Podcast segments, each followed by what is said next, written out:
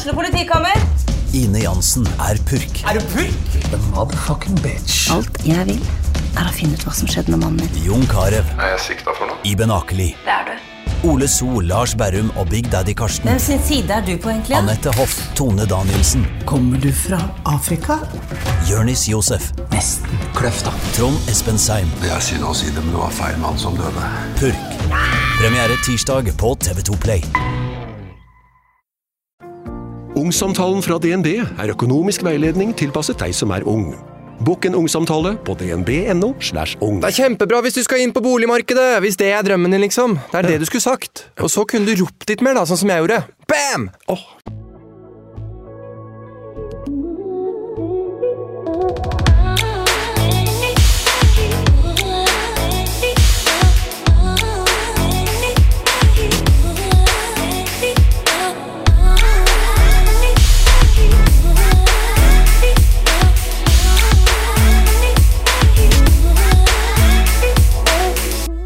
Det er mange som ikke tror på at Angelica er født eh, gutt.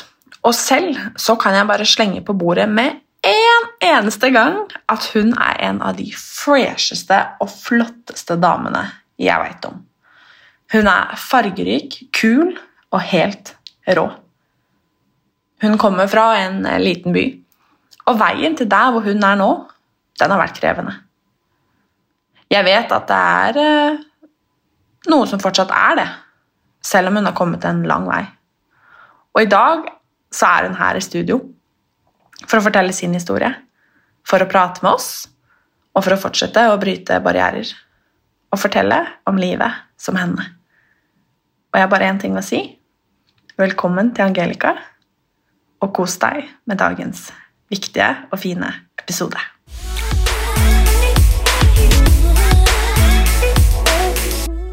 Har du alltid følt deg som eh, jente? Ja.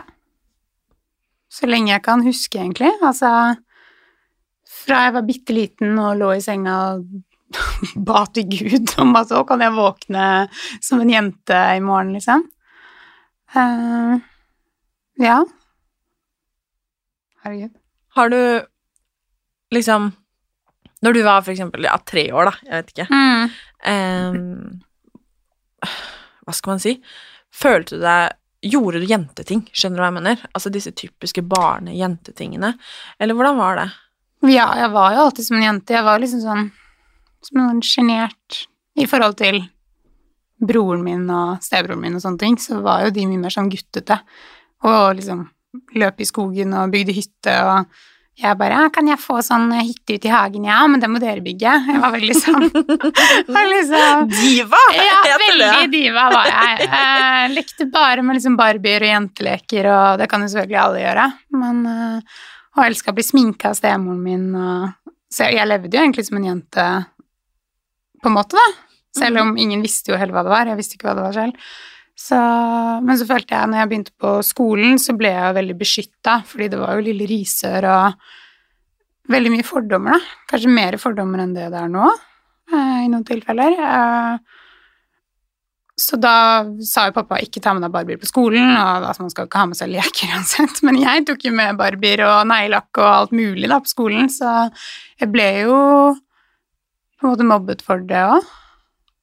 Så Fordi du var feminin? Feminin, ja. Mm. Mm.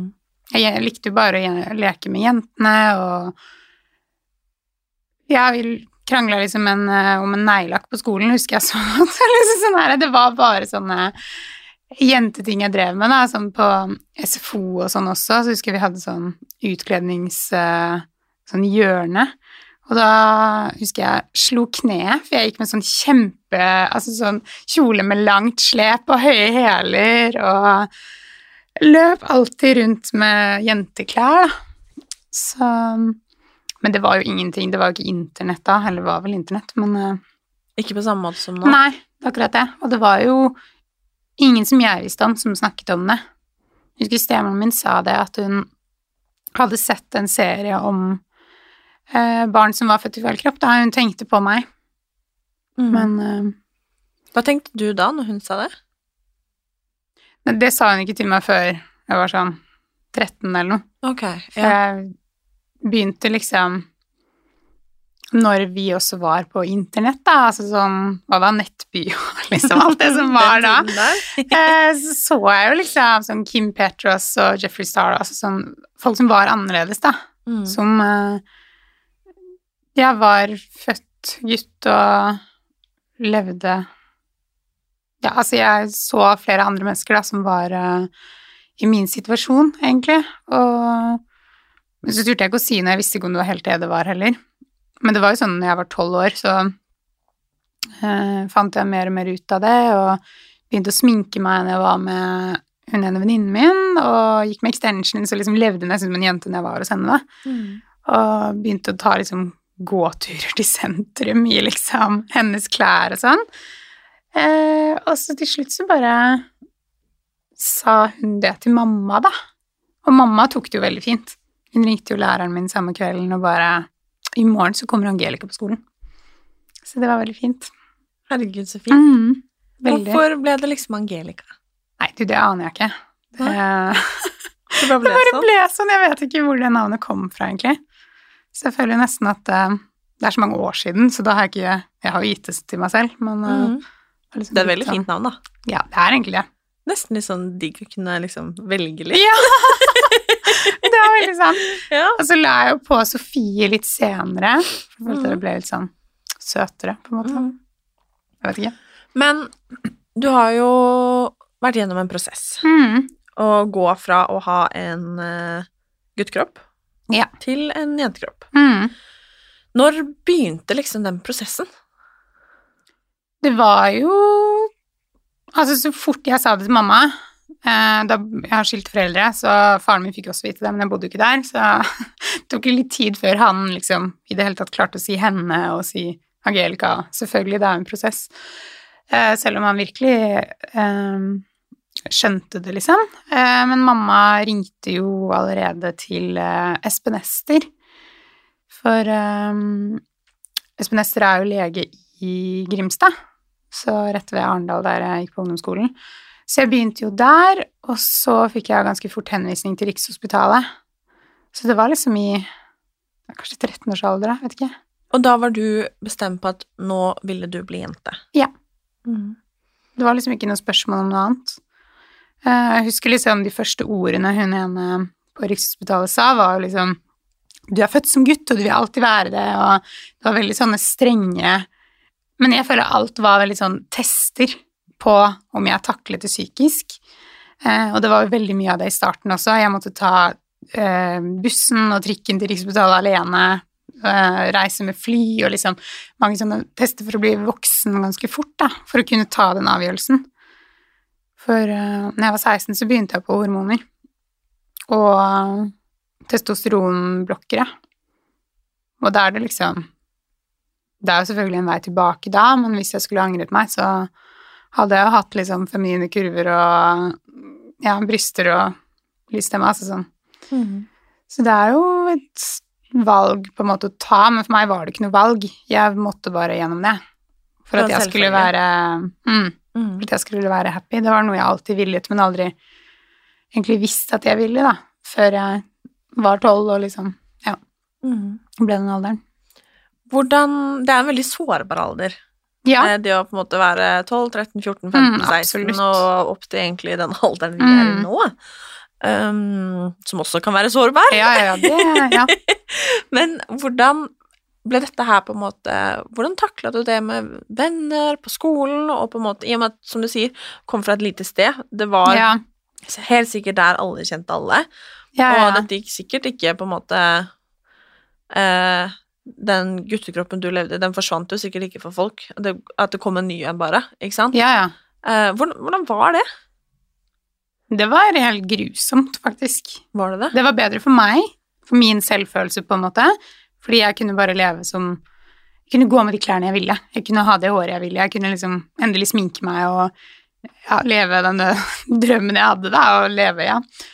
Men eh, altså Risør flytta jeg jo fra. Der bor det jo 5000 mennesker. Eh, alle vet hvem jeg er. Alle visste hvem jeg var. Det, men, og Arendal også er jo en mye større by sånn sett. Mange skoler òg, men der òg. Alle visste hvem jeg var. Jeg ble liksom forfulgt, eh, folk kjørte etter meg i bil og skreik etter meg, og folk ropte til meg hvor enn jeg var. Det var bare liksom å, jævla ditt og jævla datt og Ja, det var veldig Det var grusomt, liksom. Og på skolen så ble jeg kasta i søppeldunker og stengt inne på doer og Ja, og til slutt så Jeg hadde jo noen venninner som var veldig close, og jeg er veldig glad for at jeg hadde de, og det er jo derfor jeg også turte å komme ut, da, og være meg selv, liksom. Og turte å gå på skolen hver dag, for jeg hadde en veldig god venninne som alltid sto opp for meg og sa til mobberne at bare slutt, hold dere unna henne, liksom. Da får dere med meg å gjøre. Så det var jo veldig fint, da. Men øh, det var vanskelig. Jeg ville liksom ikke gå på skolen. Jeg ville ikke Jeg ville bare bort, egentlig. Bort hvor da, tror du?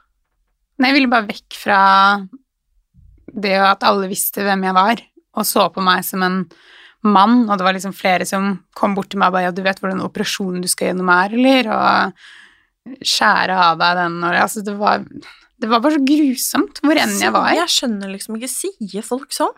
Ja, ja. Men da også Jeg føler det. Selv om folk har fortsatt dessverre veldig mye fordommer, ser man jo igjen og igjen. Men øh, nå er det flere der ute som går gjennom det her.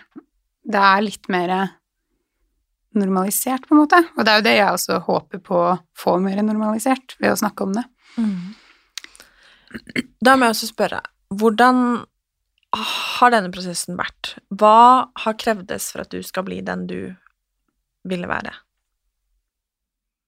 Det har vært en så lang prosess. Og Jeg føler Jeg jobber med meg selv hver dag. Jeg kan jobbe med meg selv i dag, jeg, selv om jeg er 26 år gammel, liksom. Jeg flytta vekk fra Sørlandet når jeg var 16, kom til et nytt sted og levde jo i mange år uten at noen visste ja, hvem jeg var, og visste alt jeg hadde gått gjennom, så jeg var liksom bare Angelica, som er en vanlig jente.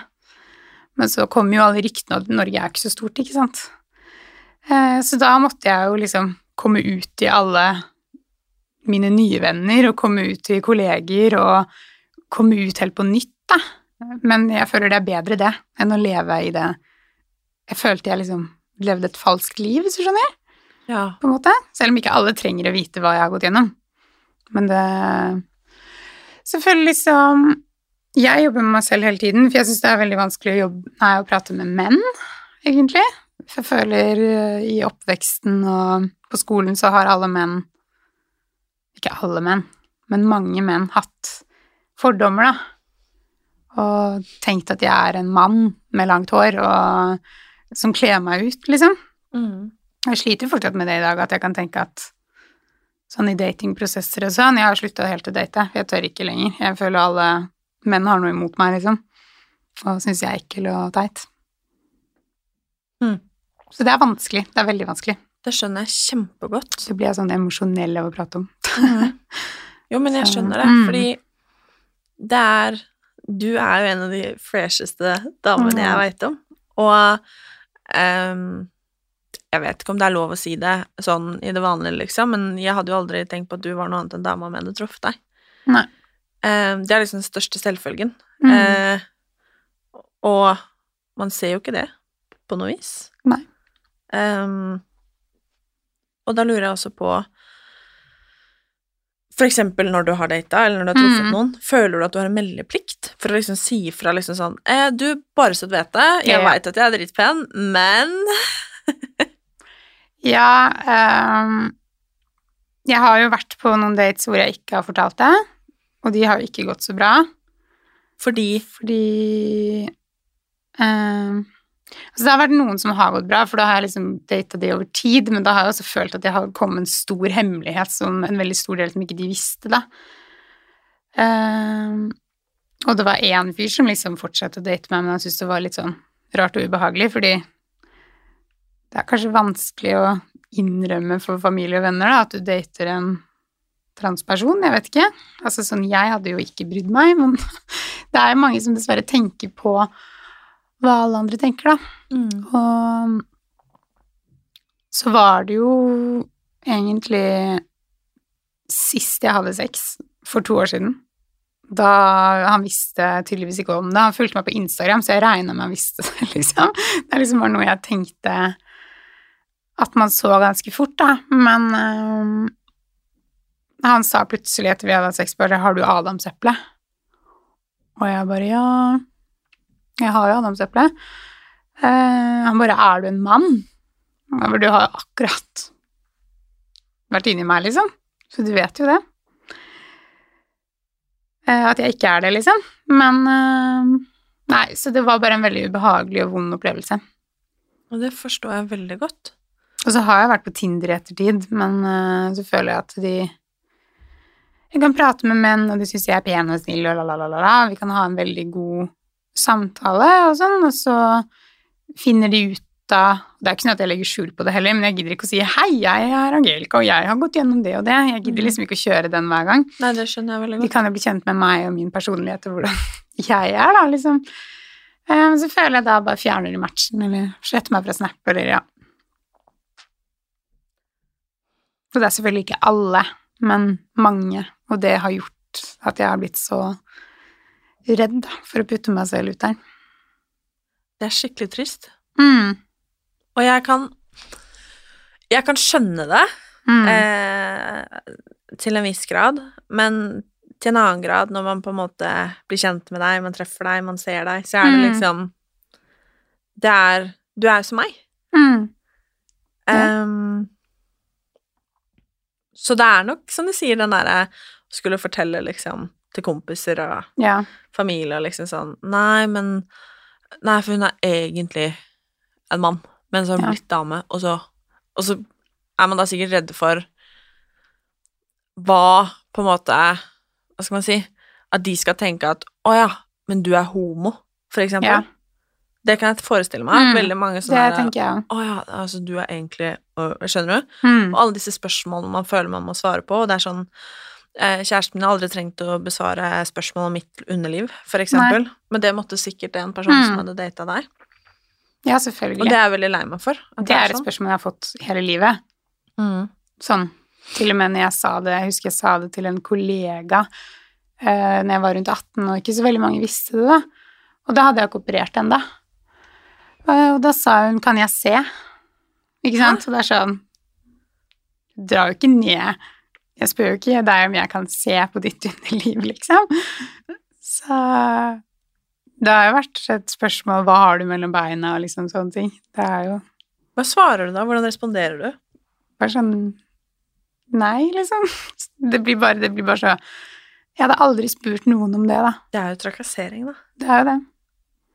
Det er veldig rart at vi eh, Det er jo ingen som hadde Eller det kan godt hende noen hadde gjort, men det hadde jo vært på en måte veldig alvorlig om noen hadde spurt meg om de kunne få sett mitt underliv, liksom. Ja. Men så skal det liksom være greit å se ditt underliv Mm. fordi at Hva skal man si? Du er annerledes, da. Ja.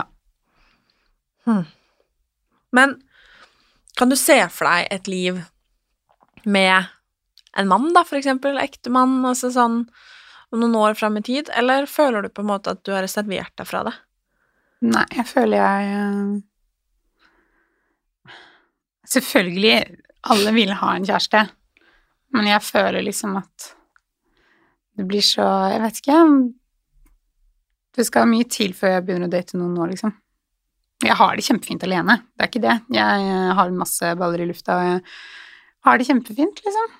Så sånn sett så er det veldig bra. Har du lyst på barn? Jeg ser ikke for meg mitt liv med barn. Ehm, men jeg ser jo Jeg gleder meg jo til liksom venninnene mine får barn, og jeg blir tante og sånn, liksom. Og aldri si aldri, men per nå så ser jeg ikke for meg livet mitt med barn. Nei. Eller kjæreste. Det høres skikkelig, skikkelig trist ut. Uff a meg. Ja. Men det er jo ikke noe fasit. Nei, det er det ikke. Og jeg skjønner veldig, veldig godt at det er en en prosess. Ja. Det forstår jeg. Mm. Kjempegodt. Men i møte med nye mennesker Ja. nå Nå er du 26 år gammel. Mm. eh, Superfresh. Eh, Ja. Det er litt sånn Sara Larsson, faktisk. Har du hørt det før? Nei, Seriøst? aldri. Nei, Nå hørte alle det her først, i hvert fall. Men eh, hvordan føler du et behov for å introdusere deg som noe annet enn Angelica? At du føler at du har meldeplikt fordi Ja? Både og. Men eh, ja, det spørs på situasjonen, men jeg gjorde vel det mer før, fordi det, når jeg først altså, kom ut på nytt som var hva da, 20-åring, liksom jeg, Altså, siden jeg levde jo så mange år uten å si det til noen, så følte jeg hadde veldig meldeplikt på det.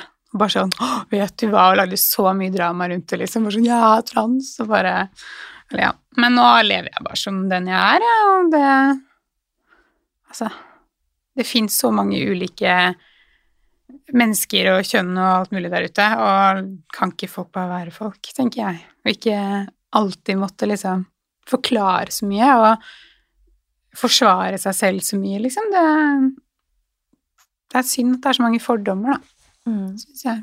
Helt klart. Mm. Det er jo eh, veldig mange som er nysgjerrig på prosessen. Mm. Hvordan det faktisk fungerer i praksis. Ja. Eh, og selve, liksom, da tror jeg kjønnsoperasjonen, Mm. liksom. Kan du fortelle litt om det? Ja, altså, det er mange år siden jeg tok den, da, og jeg satte meg egentlig ikke så veldig inn i det, for det var bare Lukka jeg- øynene, øya Ja, bare la jeg- det skje.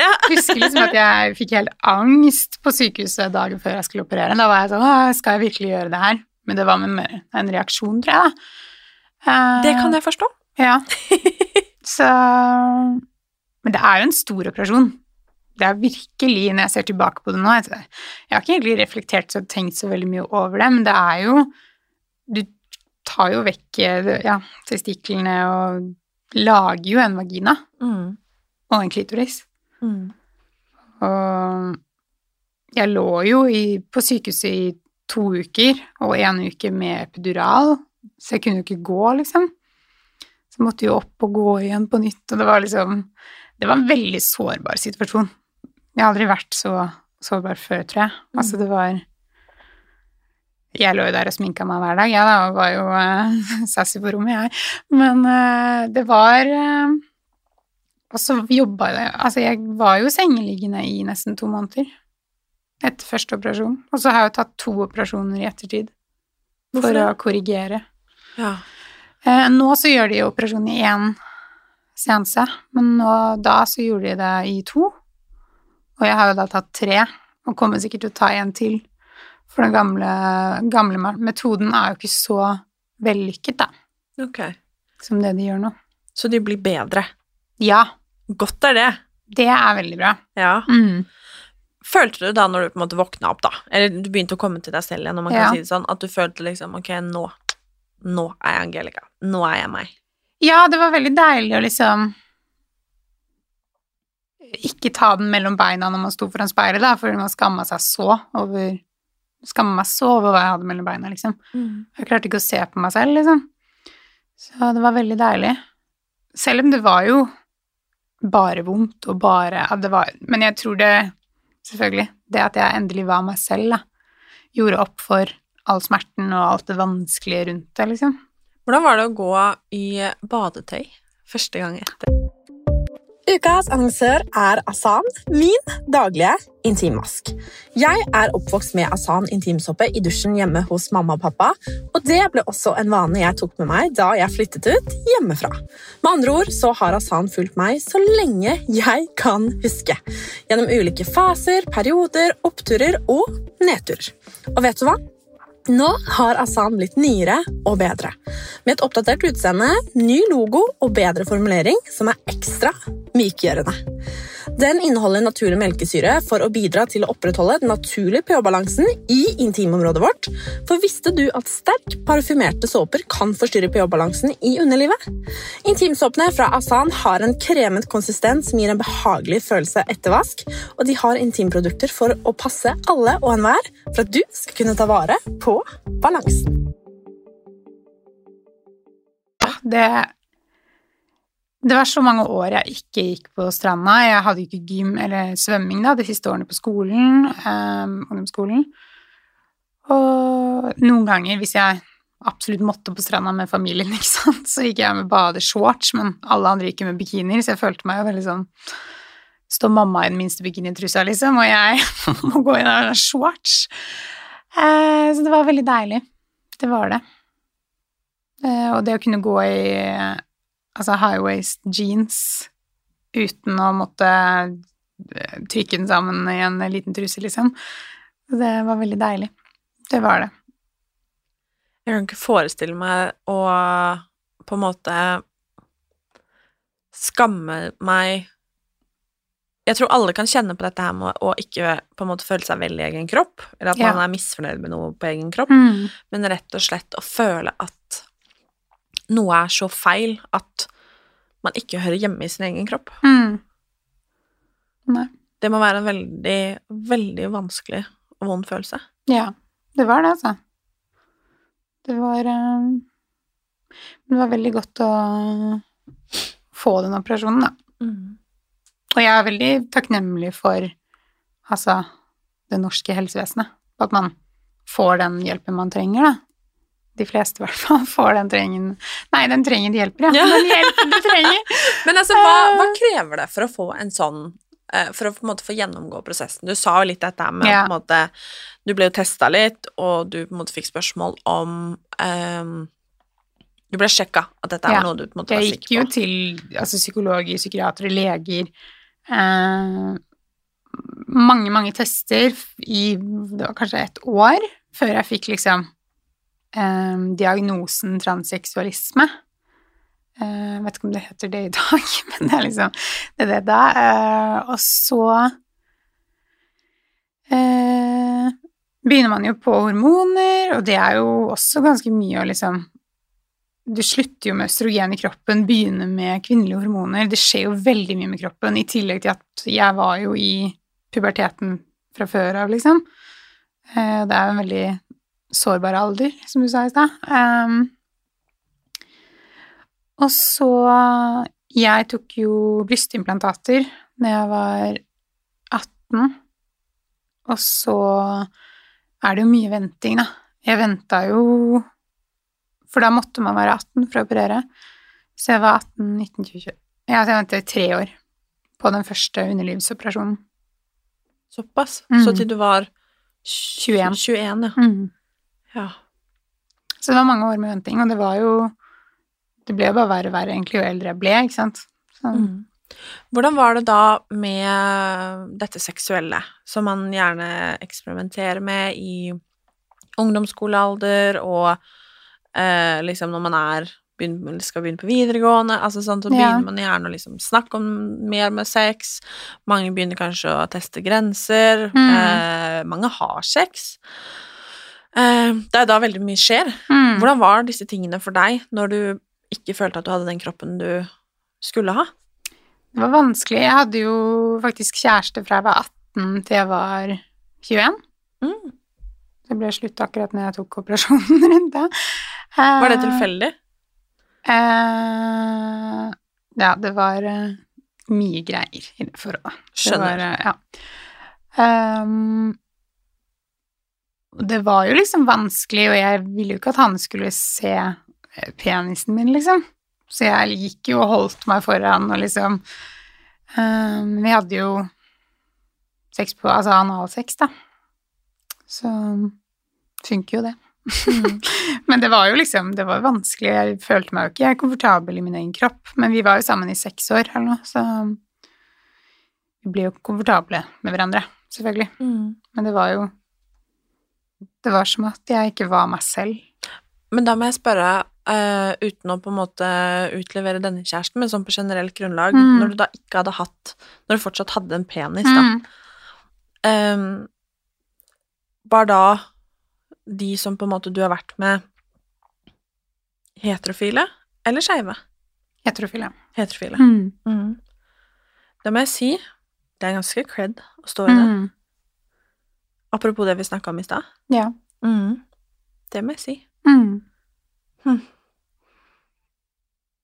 Hvordan var det da å skulle ha sex første gang med en vagina? Å, gud, det var skummelt. Var det det? Det var så rart. Det er jo liksom Jeg føler jo fortsatt at jeg liksom ikke er helt kjent med mitt eget underliv.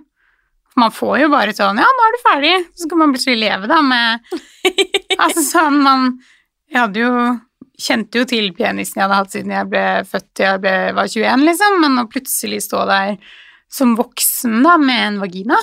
Og bare sånn, hva er det, hva er det? Og liksom utforske og prøve på helt eh, andre områder. Etter at det har vært veldig sårt og vondt og ubehagelig i to år, ikke sant. Med masse sting og masse Altså mye greier Ja. i to år, så det var egentlig Og jeg føler jeg har et, fortsatt et veldig sånn rart forhold til underlivet mitt. Jeg føler liksom at det er nesten et åpent sår, selv om det ikke er det. Jeg føler liksom at det er Ja, jeg vet ikke. Vet ikke om jeg noen gang kommer til å føle at Selvfølgelig så har jeg en vagina, og jeg er veldig glad for det, men eh, samtidig så er det liksom Ja Sting og Eller altså sånn arr, da, der nede. Og det er liksom Den er jo tilgjort, på en måte. Eh, ja. Jeg skjønner. Det, Jeg det skjønner blir veldig. veldig sånn Ja. Rart. Det er litt rart. Mm. Men eh, jeg er jo veldig Og den fungerer jo, og jeg kan jo få orgasme, og det er jeg veldig glad for. Ja, du kan det? Ja. Det kan jeg. Mm. Herregud, altså tenk at man kan få til det. Mm. Det er fantastisk. Det er jo de nervene i, som går opp til penishodet, som eh, Hvis de blir ødelagt, så mister man Så det er jo en stor sjanse for at man kan miste det helt. Men da tar det jo da Så penishodet er jo nå min klitoris, Ja. for det er jo ish det samme hos Mm. Men jeg har jo ikke like mange nerver, da, som det en Nei. Men det visste jeg faktisk ikke. Nei. Hæ, se! Ja. Vi lærer noe i dag òg, Ja. dere. Ja. Så jeg uh, får ikke like sterk orgasme som mange kvinner får, men eh, jeg får det. Sterkere enn gutta. Fordi damer har lært at har veldig mye sterkere orgasme enn Ja, men det er jo Jeg har fortsatt Du får samme, der. Jeg får samme som Akkurat gutta. samme. Du har samme som gutta. Ja, samme som gutta.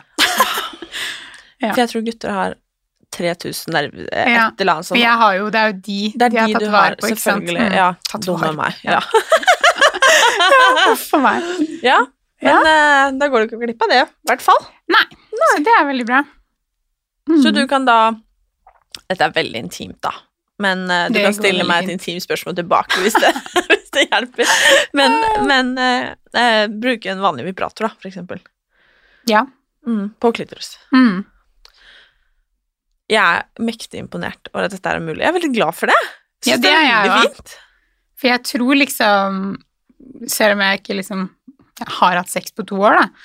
eh, vet du hva, det tror jeg det er mange som ikke har ja, pga. jeg pandemien. Det har vært ekstra vanskelig. Jeg tror sånn Jeg tror ikke du er nødvendigvis er aleine om det, altså. Bare så du vet det. Men så tror jeg det har vært ekstra vanskelig hvis jeg ikke kunne fått orgasme resten av Mhm. livet. Det tror jeg hadde vært et veldig trist liv. Ja, det, du kan så si. Mm. Men det er mange menn her. Mm. Du er nå uh, 26. Mm. eh, en helt rå eh, dame. Masse baller i lufta, som Mhm. du sa i stad. Eh, og du jobber nå med sosiale medier. Ja. Hvor viktig har det vært for deg å dele eh, denne prosessen innimellom på en måte alt det fine og inspirerende du deler? Mm, takk for det første. Eh, jeg, eh, det er så viktig for meg. Det er eh, Jeg har mange som følger meg som både har kommet ut og ikke har kommet ut, og lever som unge i dag og ikke tør å komme ut fordi de er fra små steder. Eh, Jeg prater med foreldre. Jeg prater liksom på telefon med flere foreldre som har barn i samme situasjon som meg, og eh, det er veldig fint å hjelpe, da. Selv om det Iblant så kan det kjennes litt tungt, for man har det liksom vanskelig selv, og så må man sette seg inn i så mange andres Men det er veldig viktig for meg at eh, andre ikke skal føle den skammen som jeg har følt i mange år. Og fortsatt kan kjenne på. Så det, men eh, det er jo ingen skam å være seg selv, liksom. Det burde alle få lov til. Det er jo egentlig det fineste som er. Mm, Å være seg. Mm, absolutt. Men merker du da at det er mange som Både unge, men også eldre, Ja. som lever i Jeg syns å leve i fornektelse er feil å si, fordi at det er veldig mange som på en måte er i en litt sånn tvungen situasjon til å, til å Mm. gjøre det også, men som ikke lever som seg selv. Er det mange? Det er, ja, jeg syns det er for mange. Jeg syns det er veldig synd, for det er liksom på grunn av familie Det kan være familie, det kan være kjæreste, det kan være ja, religion Altså det kan være forskjellige ting, da, som man ikke Og det å komme fra små steder er kanskje verre, da, Mm. enn å For dette føler jeg er ting vi ikke snakker om. mm. Uh, at det er mange som som ja, rett og slett ikke lever som seg selv. Fordi det er jo en helvetes prosess. Mm. Og det er vel ikke nødvendigvis prosessen som skremmer folk, men reaksjoner og tilbakemeldinger og miljøer og Ja. Det er jo Folk har for mange meninger om andre, hvordan de skal leve sitt liv. Og jeg syns det er eh, skummelt noen ganger, fordi folk kan jo komme med trusler, altså voldstrusler og Jeg har opplevd det, ja. Men jeg har opplevd det Altså, jeg opplever ikke mye av det, men når jeg har vært Eh, altså sånn, Jeg kom jo først ut med historien min i A-magasinet. Det var en ganske sånn stor sak, og da fikk jeg mye meldinger på Facebook og sånn. Det er sånn, Jeg sjekker jo ikke Messenger på Facebook, jeg syns det er veldig spesielt å sende melding der, ja, men eh, eh, Så jeg kan jo få Der fikk jeg mest positivt, men det er de negative som også sitter igjen.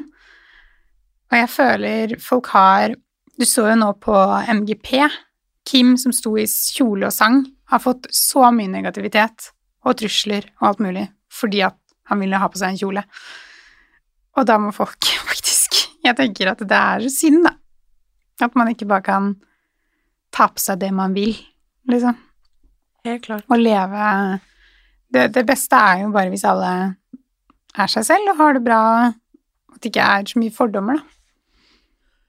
Du var jo også med i en episode av Hvite gutter, var du ikke det? Jo, det var jeg. Stemmer det. Det kommer jeg på nå. Ja. Hvordan skjedde det? Det var eh, rundt pride for noen år siden, så var jeg i min mote. Og da fikk jeg en telefon samme dag fra han som eh, Hva heter det for noe? Produserer? Han som finner Caster? caster, ja. Ja. Han som ja, så han ringte meg, og så Jeg svarte ikke, for jeg satt i frisørstolen, og så fikk jeg en lang melding bare at jeg har vært i Hvite gutter og sånn. Jeg bare nei, gud, det her blir for dumt, fordi jeg har jo bare tenkt på det som en sånn humorserie som gjør Mhm. mest narr av forskjellige typer mennesker. Mm. Uh, Men så ble det en veldig fin ting, da. Jeg ble jo med på å skrive om episoden, så den ble mer For meg, hvis jeg skulle Det var jo ikke en fortelling om meg, eller en historie om meg, men det var jo Jeg ville ikke at det skulle være en sånn krenking. At andre transpersoner skal tenke å, herregud, Angelica er et veldig dårlig eksempel fordi hun står her og Det var veldig viktig for meg, da. Mm. At ikke jeg skulle liksom tråkke på noen feil Ja. Mm. Jeg skjønner. Ja. Så Og det var også veldig sånn fint for meg, for da var jeg i et hus med hva det er, 20 menn. Mange som er sånn typisk vestkantgutter som jeg tenker å, de kan ha liksom fordommer mot Mm. meg, da. Så jeg hadde veldig mange fine samtaler med dem når vi ikke spilte inn også. Og jeg føler liksom episoden ble Det ble liksom satt fokus på det. Og det er jo til mennesker som vanligvis ikke ja, jeg leser en eh, A-magasinsak om uh, noen som Helt er klart. Ja, eller har sett på Født i feil kropp, eller sett på Leser sånne saker, da. Mm. For det er veldig mange som bare De vet jo om det, men de gidder ikke å sette seg inn i det. Så jeg føler det var en uh, fin måte å komme ut til andre Mm. miljøer, eller hva jeg skal si. Jeg er helt Mm. enig. Jeg tror det var veldig viktig, og jeg syns det ble gjort på en veldig, veldig fin måte. Det er bra. Så det var bra jobba. Ja. Du er viktig. Det er derfor du er gjest her òg. ja. Ja. Det betyr Um, mye. Du er jo også veldig opptatt av fashion, Ja. mote, klær. Kler deg så fargerikt, stilig og gøy. Um, hvordan har du følt at på en måte i den verden, både med liksom gjennom sosiale medier, Mm. um, som på mange måter er den mest åpne plassen i hele verden, Ja. um, men sånn i motebransjen, om man skal Mm. si det sånn, hvordan har du følt deg mot dette? Veldig bra. Fantastisk. Mm. Faktisk, ja. Det er vel kanskje en av de mest åpne og fargerike plassene vi også Jeg har. føler jo det. Mm. Og det er jo kanskje det at jeg lever veldig i den Så jeg jobber jo litt i klesbutikk, og jeg har jo jobbet som modell, og liksom er jo veldig i og gjør, gjør jo også mye makeup nå om dagen. Eh, så det er liksom Jeg lever jo i den lille moteboblen, liksom, kanskje, da, her i Mhm. Oslo, og da blir jeg jo ikke utsatt for så mye annet, kanskje. Og det er veldig deilig, da, sånn sett. Det skjønner jeg, det skulle bare Mm. mangle òg. Ja. Jeg lurer. Dette spørsmålet skal jeg stille på noen forskjellige måter Mm. til de som lytter. Og først så skal jeg stille til de som er glad i noen som eh, er født i feil kropp, eller føler at de ikke lever helt i seg selv, og som kanskje er i en prosess. Um, hvis man har en venn, et barn, en, i familien på en eller annen måte. Uh, hvordan kan man være en god støttespiller?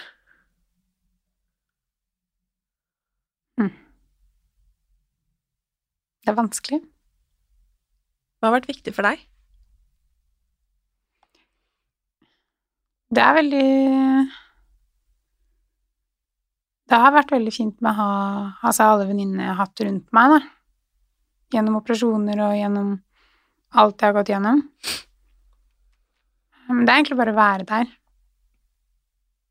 Og la vennene dine være seg selv. Uh, ja, hva skal jeg si egentlig på det? Er det noe man ikke burde gjøre? Jeg føler Jeg vet at ingen mener noe vondt med det, men det er liksom Sånn som venninnene mine, alle venninnene mine, har menstruasjon hver måned. Eh, Jeg later som jeg har menstruasjon, for da kan jeg også gå og kjøpe sjokolade, og litt ekstra sjokolade til oss alle. Men uh, jeg syns det er veldig tungt og sårt at ikke jeg kan få mensen. Selvfølgelig, det er jo sikkert jeg vet, eller har hørt, at det er veldig vondt. Eh, Jeg skjønner jo det, men jeg føler meg ikke 100% jente uten. Liksom. Mm. Jeg føler hvis jeg hadde hatt mensen, hvis jeg hadde kunnet få barn, da Det kan jeg på andre måter, men det å Vet ikke, det er en ganske sånn tung ting, så jeg hører det veldig ofte at eh, Å, du er så heldig som ikke har mensen. Og det er veldig sårt som ikke folk forstår. Det skjønner jeg, at det er liksom Ja, ja, Mm. du er heldig, liksom, og det er veldig mange andre ting jeg går glipp av, da, som ikke jeg kan få.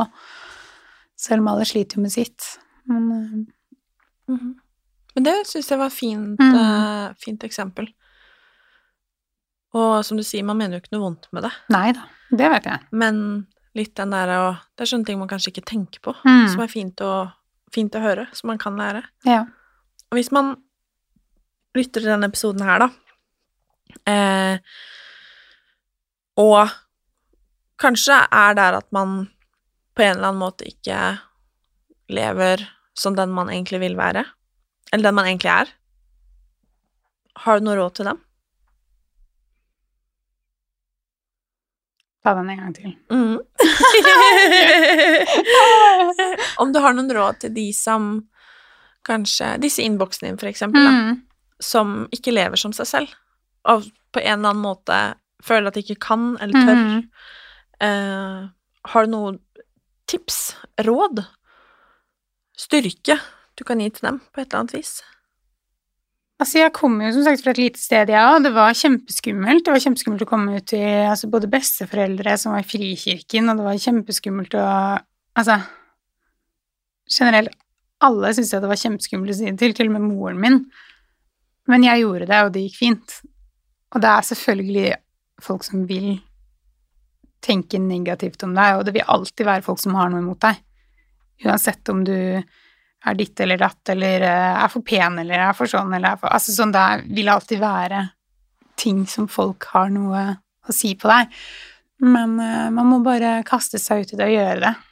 Og om det hjelper å flytte til en annen by, flytte til Oslo, da, som kanskje ikke alle vet hvem du er. Det gjorde jo jeg. Og jeg føler det har hjulpet meg, da. Å tørre hvem, å vise hvem jeg er, liksom. Og jeg er veldig, veldig glad for at du er eh, du, er du og at du er den du er, og at du fargelegger eh, livene våre, og at du er et så godt forbilde for de som følger deg, at du deler kunnskap, og at du har en så Hva skal jeg si? Jeg bare Det er noe med hele måten du ser dette på, som jeg syns er veldig lærerik og beroligende, og at du rett og slett bare er deg ut i fingerspissene. Det syns jeg er veldig, veldig fint. Mm, ja, men takk. Det betyr mye, altså. Og jeg er veldig, veldig glad for at du hadde lyst til å komme hit. Så glad for at jeg fikk komme. Og dele din historie, og la oss bli litt bedre kjent med deg. Mm. Og uh, komme med litt tips og litt råd. og uh, vi fikk snakke sammen, det her, snakke sammen om det her, du og jeg. Ja. Det syns jeg var veldig fint. Og uh, det er litt sånn, som jeg sa til på forhånd før vi begynte å spille nå, at min rolle er å stille de spørsmålene som alle som lytter, lurer på. Mm. Um, og det kan av og til virke litt sånn skummelt og liksom litt sånn eh, angripende og skulle liksom bare Men som du sier, da, kan du få orgasme, egentlig? Ja. For det er så intimt og så privat. Mm. Men eh, da vil jeg bare si at jeg er veldig glad for at du gjør det. Sånn at vi som ikke kan nok om dette her, og de som kanskje ikke kan noen ting om dette, og kanskje til og med de som har litt fordommer Mm. eh, For som du sier, det er mange av de, og Ja. mye er sikkert basert på uvitenhet. Ja. At vi viktig. kan lære. Mm. Det er så viktig for meg å informere og lære videre. Ja. Så tusen takk. Så da kan vi ønske alle de som lytter, en råflott dag, Ja. og sende en klem fra både meg og deg. Ja.